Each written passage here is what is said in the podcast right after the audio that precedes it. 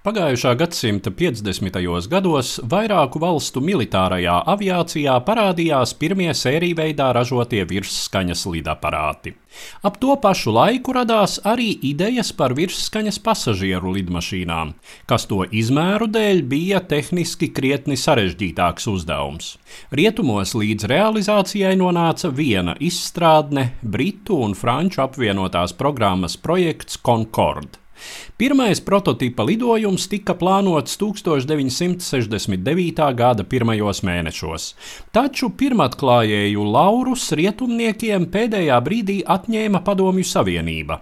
Andreja Tupoļeva vadītā konstruktoru biroja izstrādātās virsskaņas pasažieru lidmašīnas 244 prototypa pirmais lidojums notika 1968. gada 31. decembrī.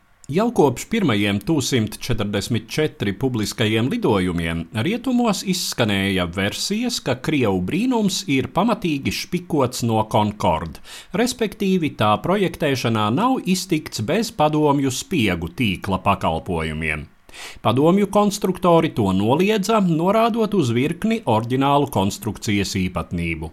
Pamanāmākā bija nelieli izbīdāmi spārni lidmašīnas priekšgalā, kas ļāva 244 strauji samazināt ātrumu nosēžoties.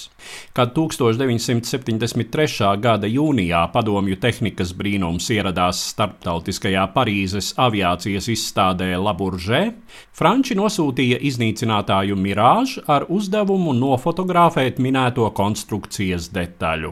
Iespējams, tieši negaidītā iznīcinātāja parādīšanās Tupoļeva pilotu redzeslokā izraisīja traģēdiju. Piloti veica riskantu manevru, lidmašīna strauji zaudēja augstumu un gaisā burtiski izjuka gabalos. Lidmašīnas atlūzas nogalināja astoņus cilvēkus uz zemes, gāja bojā arī visi seši apkalpes locekļi.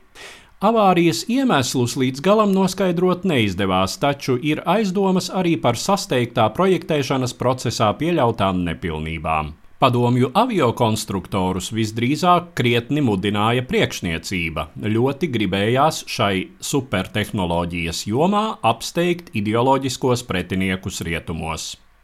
Regulāros eksploatācijas lidojumus 144 uzsāka 1975. gada 26. decembrī, jau atkal apsteidzot Concorde par nepilnu mēnesi. Lidojumi notika maršrutā Maskava-Almāta divas reizes mēnesī. Biļete maksāja 82 padomju rubļus, tiem laikiem visai ievērojamu summu.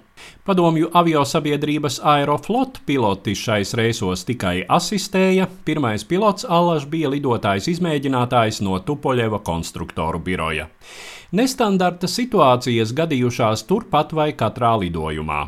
Tas viss nepalika nepamanīts padomju pilsoņiem un sāka cirkulēt nostāsti, anekdotes un melni joki par lielisko lidaparātu, kurš jūs ātrāk par citiem nogādās, taiskaitā līdz kapsētai. Kad 1978. gada maijā izmēģinājuma lidojumā avarēja uzlabotais variants 244D, Aeroflot pārtrauca pasažieru pārvadājumus ar virsskaņas lidmašīnām. Kādu laiku 244 četri vēl lidoja ar kravas sūtījumiem uz Habārovsku tālajos austrumos. Var piebilst, ka arī 244 līdziniece Concorde, kuru eksploatēja Air France un British Airways, jau diezgan sen pametusi pasaules lidlaukus. Lidojumi pār Atlantijas okeānam gan bija pieprasīti maksātspējīgo pasažieru vidū. Tomēr Air France virsskaņas lidaparāta katastrofa 2000. gadā, kurā dzīvību zaudēja 113 cilvēki, kā arī vispārējā avio pārvadājumu industrijas krīze pēc 2001. gada 11. septembra terora aktiem, lika aviokompānijām pieņemt lēmumu par virsskaņas komerclidojumu pārtraukšanu.